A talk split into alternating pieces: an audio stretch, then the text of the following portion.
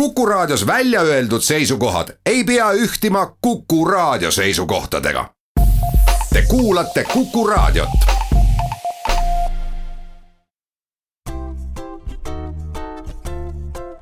patsiendiminutid, Patsiendiminutid toob teieni Eesti Patsientide Liit. tere, hea Kuku kuulaja mina olen Kadri Tammepuu ja Patsiendiminutid alustavad. meie tänane külaline on Luive Merilai, kellele president annetas Punase Risti viienda klassi teenetemärgi. igapäevaselt töötab Luive Vähihaigete Laste Vanemate Liidus tugiisikuna ja täna räägime me vähilastest. tere tulemast saatesse, Luive! tere! kuidas sa ennast siis tunned nüüd äh, sellise suure ja toreda tunnustusega? Tunnen ennast endiselt tugiisikuna ja, olen loomulikult liigutatud sellest tähelepanust ja ja sellest tunnustusest, mida riigipea siis mulle osutas, aga teistpidi ma leian, et see teenetemärk on mõeldud kõikidele nendele äh, lastele, kes peavad sellist võitlust pidama ja nende vanematele peredele. see ei ole üksi minule mingi teenetemärk. no oled tagasihoidlik küll, aga kui palju neid lapsi umbes võiks olla Eestis, kellele see märk siis mõeldud on? Ütleme nii, et iga aasta saab äh, viiskümmend last koos noorukitega vähihaiguse diagnoosi, ehk siis need ravid on erineva pikkusega ja niimoodi numbrid, kui palju mul praegu neid lapsi on, on raske öelda aga neid on ikkagi mitte üks ega kaks, vaid rohkem? Neid on ro rohkem ja, ja see on kurb. mida üks äh, vanem tunneb, kelle laps on vähidiagnoosi saanud? kui ta selle vähidiagnoosi saab, siis elu laguneb sõna otseses mõttes laiali. see oleks justkui nagu ütleme, visatud nagu tormisesse merre ja esimene mõte on, et siia ma nüüd jään. ja siis hakkabki see meie eh, võitlus pihta ja see on nagu ideaalne, kui sul on siis kõrval see inimene, kes võib-olla ütleb ja näitab, et näed, seal on kallas olemas et kuhu poole sa siis hakkad nagu siplema ja välja ujuma, et, et see on hästi oluline.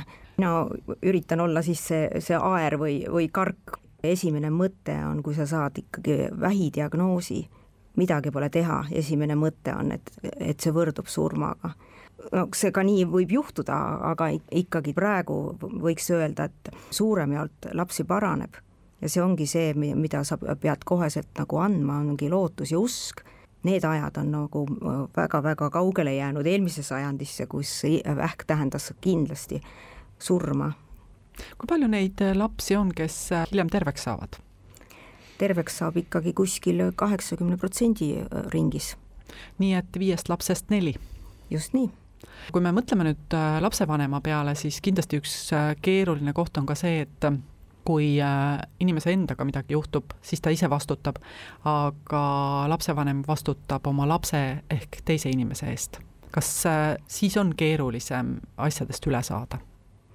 see ongi palju keerulisem, et me ei saa absoluutselt võrrelda lapsevähki täiskasvanu vähiga, sellepärast lapsevähk on juba oma olemuselt palju agressiivsem me ju kõik saame aru, mis tähendab hoolitseda lapse eest ja anda lapsele turvatunne ja aidata last, et selleks on ju ainult, ainult ju lapsevanemad ja täiskasvanud inimesed, kes sellega toime peavad tulema, täiskasvanud sealjuures peab ju iseendaga saama kõigepealt hakkama, kui ta suudab siis last aidata. peale selle see mõjutab kogu pere, see mõjutab tööl käimist, üks vanem reeglina jääb ju töölt äh, ära, kes peab siis haiglasse olema lapsega väga pikalt kui palju tavaliselt aega läheb, et äh, inimesed kuidagimoodi hakkavad äh, ree peale saama, ma pean silmas just lapsevanemaid? ka väga erinev, see sõltub jällegi sellest lapsevanemast endast, mis on tema eelnev elukogemus, kuidas ta on eelnevalt saanud kriisidega hakkama, kas tal üldse on neid kriise olnud, milline taustsüsteem tal endal on, vahel on nii, et äh, enda probleemid hakkavad siis, kui ravi on läbi ja kõik on möödas siis hakkad märkama, et mis endal selle ajaga enda elus toimunud on oma suhetes, tervises. kui palju juhtub nii, et kui peres on selline ootamatu sündmus toimunud, mis enamasti, nagu me rääkisime, lõpeb äh, isegi hästi, lõpuks laps terveneb, siis on suhted vanemate vahel läinud nii krussi, et neid enam päästa ei anna. kas selliseid asju oled kohanud? selliseid asju olen kohanud, aga siinkohal jällegi ma ütlen, et ei ole ju lahendamatuid probleeme, et mina pean ikkagi seda julguseks ja tarkuseks, kui sa otsid abi.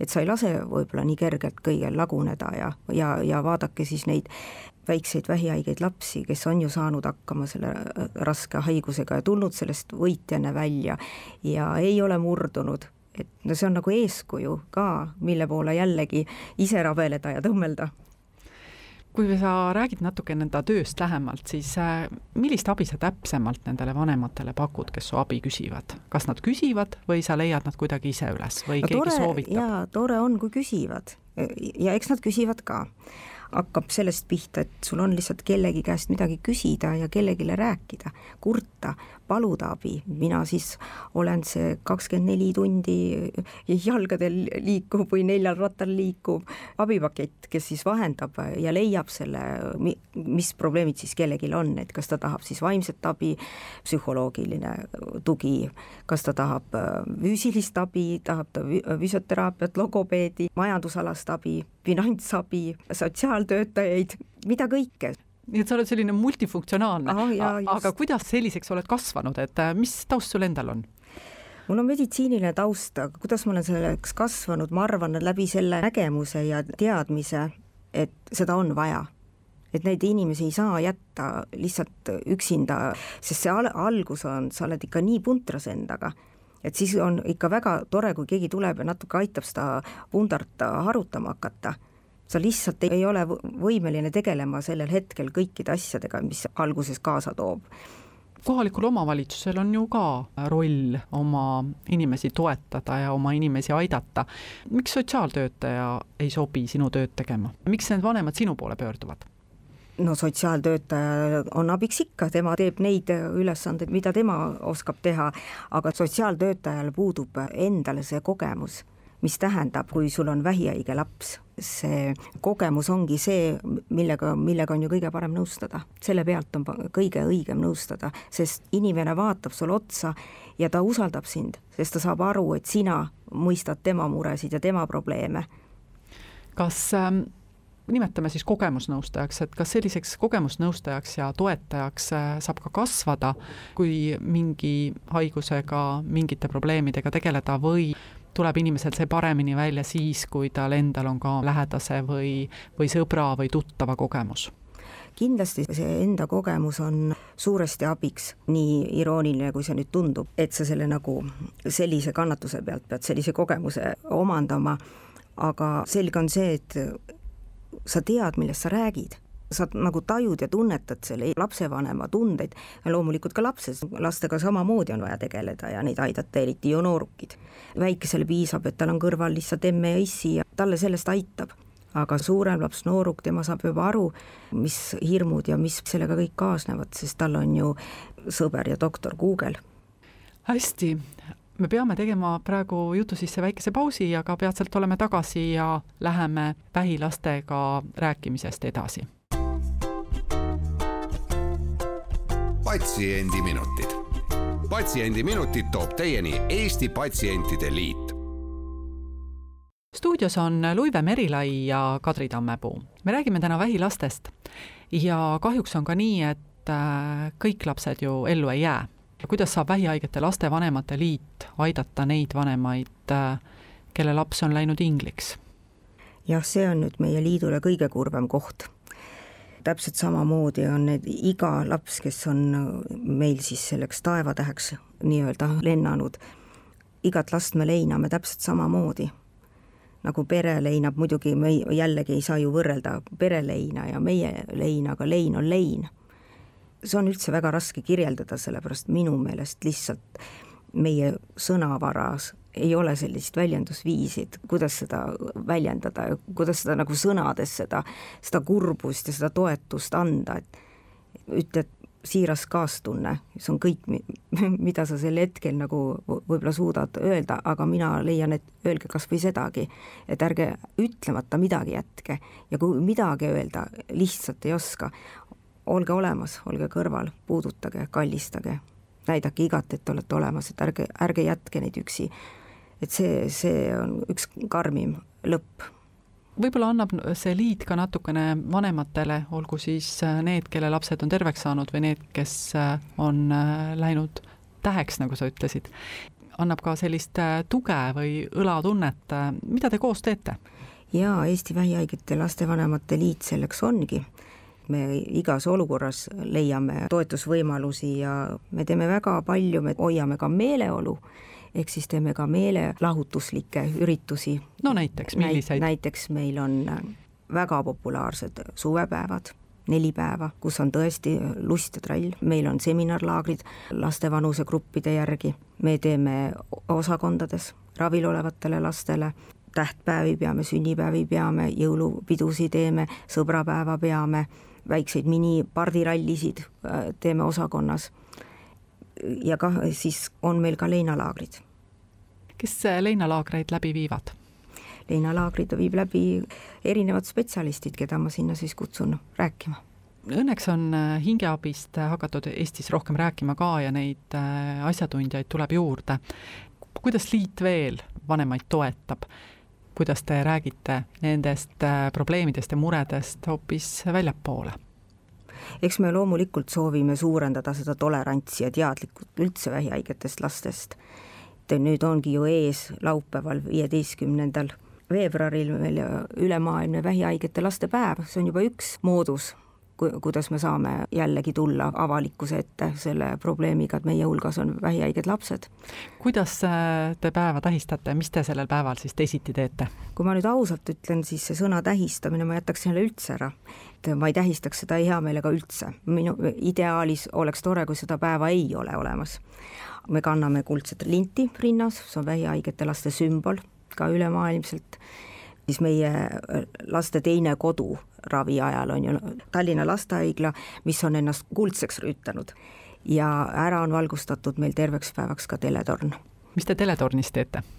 kõigepealt teletorn on võib-olla parim viis valgustada ennast kõrgemale, et see on ka meil nagu sillaks siis nende lastega, kes vaatavad meid kõrgelt, juhivad meie teed ülevalt poolt. Ja teletornis on meil esmakordselt ka plaanis tänada neid inimesi, kes on meid toetanud ja annetajaid, partnereid, ka ajaannetajaid, kõiki neid häid inimesi, tänu kellele me saame aidata neid lapsi, tänu kellele see liit üldse eksisteerib. kas nad mahuvad ikka teletorni ära? mahuvad teletorni ära ja eks muidugi võiks neid olla võib-olla kaks teletorni veel, aga seekord on nii mida sõbrad võiksid teada, kui sellised asjad juhtuvad, mida võiks teha või vastupidi, mida võiks mitte, kindlasti mitte teha? no sõbrad peaksid eelkõige võtma sõpru sellisena, kes nad olid enne et ega siis sõber kuidagi sellepärast ei muutu. mis muutub, muutub mingiks perioodiks loomulikult tema elu ja elukorraldus. ära jäta sõpra oma murega üksi, et lihtsalt aita, ole olemas, ära küsi, mida ma peaksin tegema, tee lihtsalt midagi vii talle kinkekaart toidupoodi, vii talle kinkekaart massaaži, autotanklasse kütusele, ega vähihaiget lapsevanem ei küsi ju, et tee nii ja too nii, sest ta, tema, tema tegeleb suurema probleemiga, tema peab hakkama saama ja toetama oma last. sina, sõber, toeta teda ja, ja see väljend ka, et, et öeldakse, et noh, et sa oled ju tugev, sa saad ju hakkama. Aga vahel ei tahaks tugev olla vahel tahad olla just nõrk ja ootad seda, et see sõber oleks tugev, kelle najal siis äh, kurta või, või nutta. ja siinsamas jälle tahad sa kuulata sõbra elust ikka endiselt ka, et sõber võiks ikkagi enda, enda elu ja oma rõõme muresid ka jagada. et sõber on sõber, et ega see sõprus ei peaks ju kuidagimoodi muutuma sa ütlesid, et äh, alati ei pea olema tugev, kas sa endale lubad ka mõnel hetkel olla mitte tugev? oi, mina luban ikka tihti endale olla nõrk kui seda nüüd nõrkuseks peab nimetama, mina ei pea pisaraid nõrkuseks ja mina ei pea abiküsimus nõrkuseks, murdumist nõrkuseks. et kui, kui sa nii-öelda ju kuskilt otsast midagi välja ei lase, siis ongi katel nii täis, et ühel hetkel see nagunii voolab laiali või lõhkeb. ja siiamaani oled toime tulnud? mina olen toime tulnud loodame, et tulevad ka need kaaslased toime, keda sina aitad, aga lõpetuseks, kas pardiralli kevadel ikka toimub? pardiralli toimub päris kindlasti.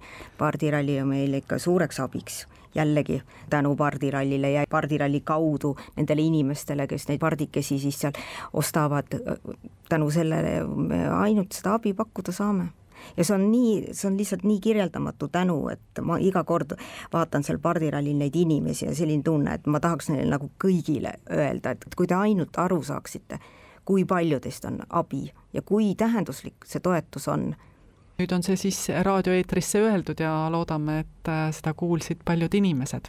aga suur aitäh, Luive, täna meile saatesse tulemast. soovime ka Kuldse lindi päeval teile toredat koosolemist ja, ja elu üle mõtisklemist ja samamoodi Vähihaigete Lastevanemate Liidule edu ja jõudu, et te vastu peate. jah, ja minu soov on, et igal lapsel oleks homne. selle sooviga, ma usun, nõustuvad kõik saates oli Luive Merilai, Vähihaigete Lastevanemate Liidu tugiisik ja koordinaator. täname ka kõiki kuulajaid, küsimusi küsis Kadri Tammepuu, kuulmiseni taas nädala pärast ja seniks olgem terved. patsiendiminutid. patsiendiminutid toob teieni Eesti Patsientide Liit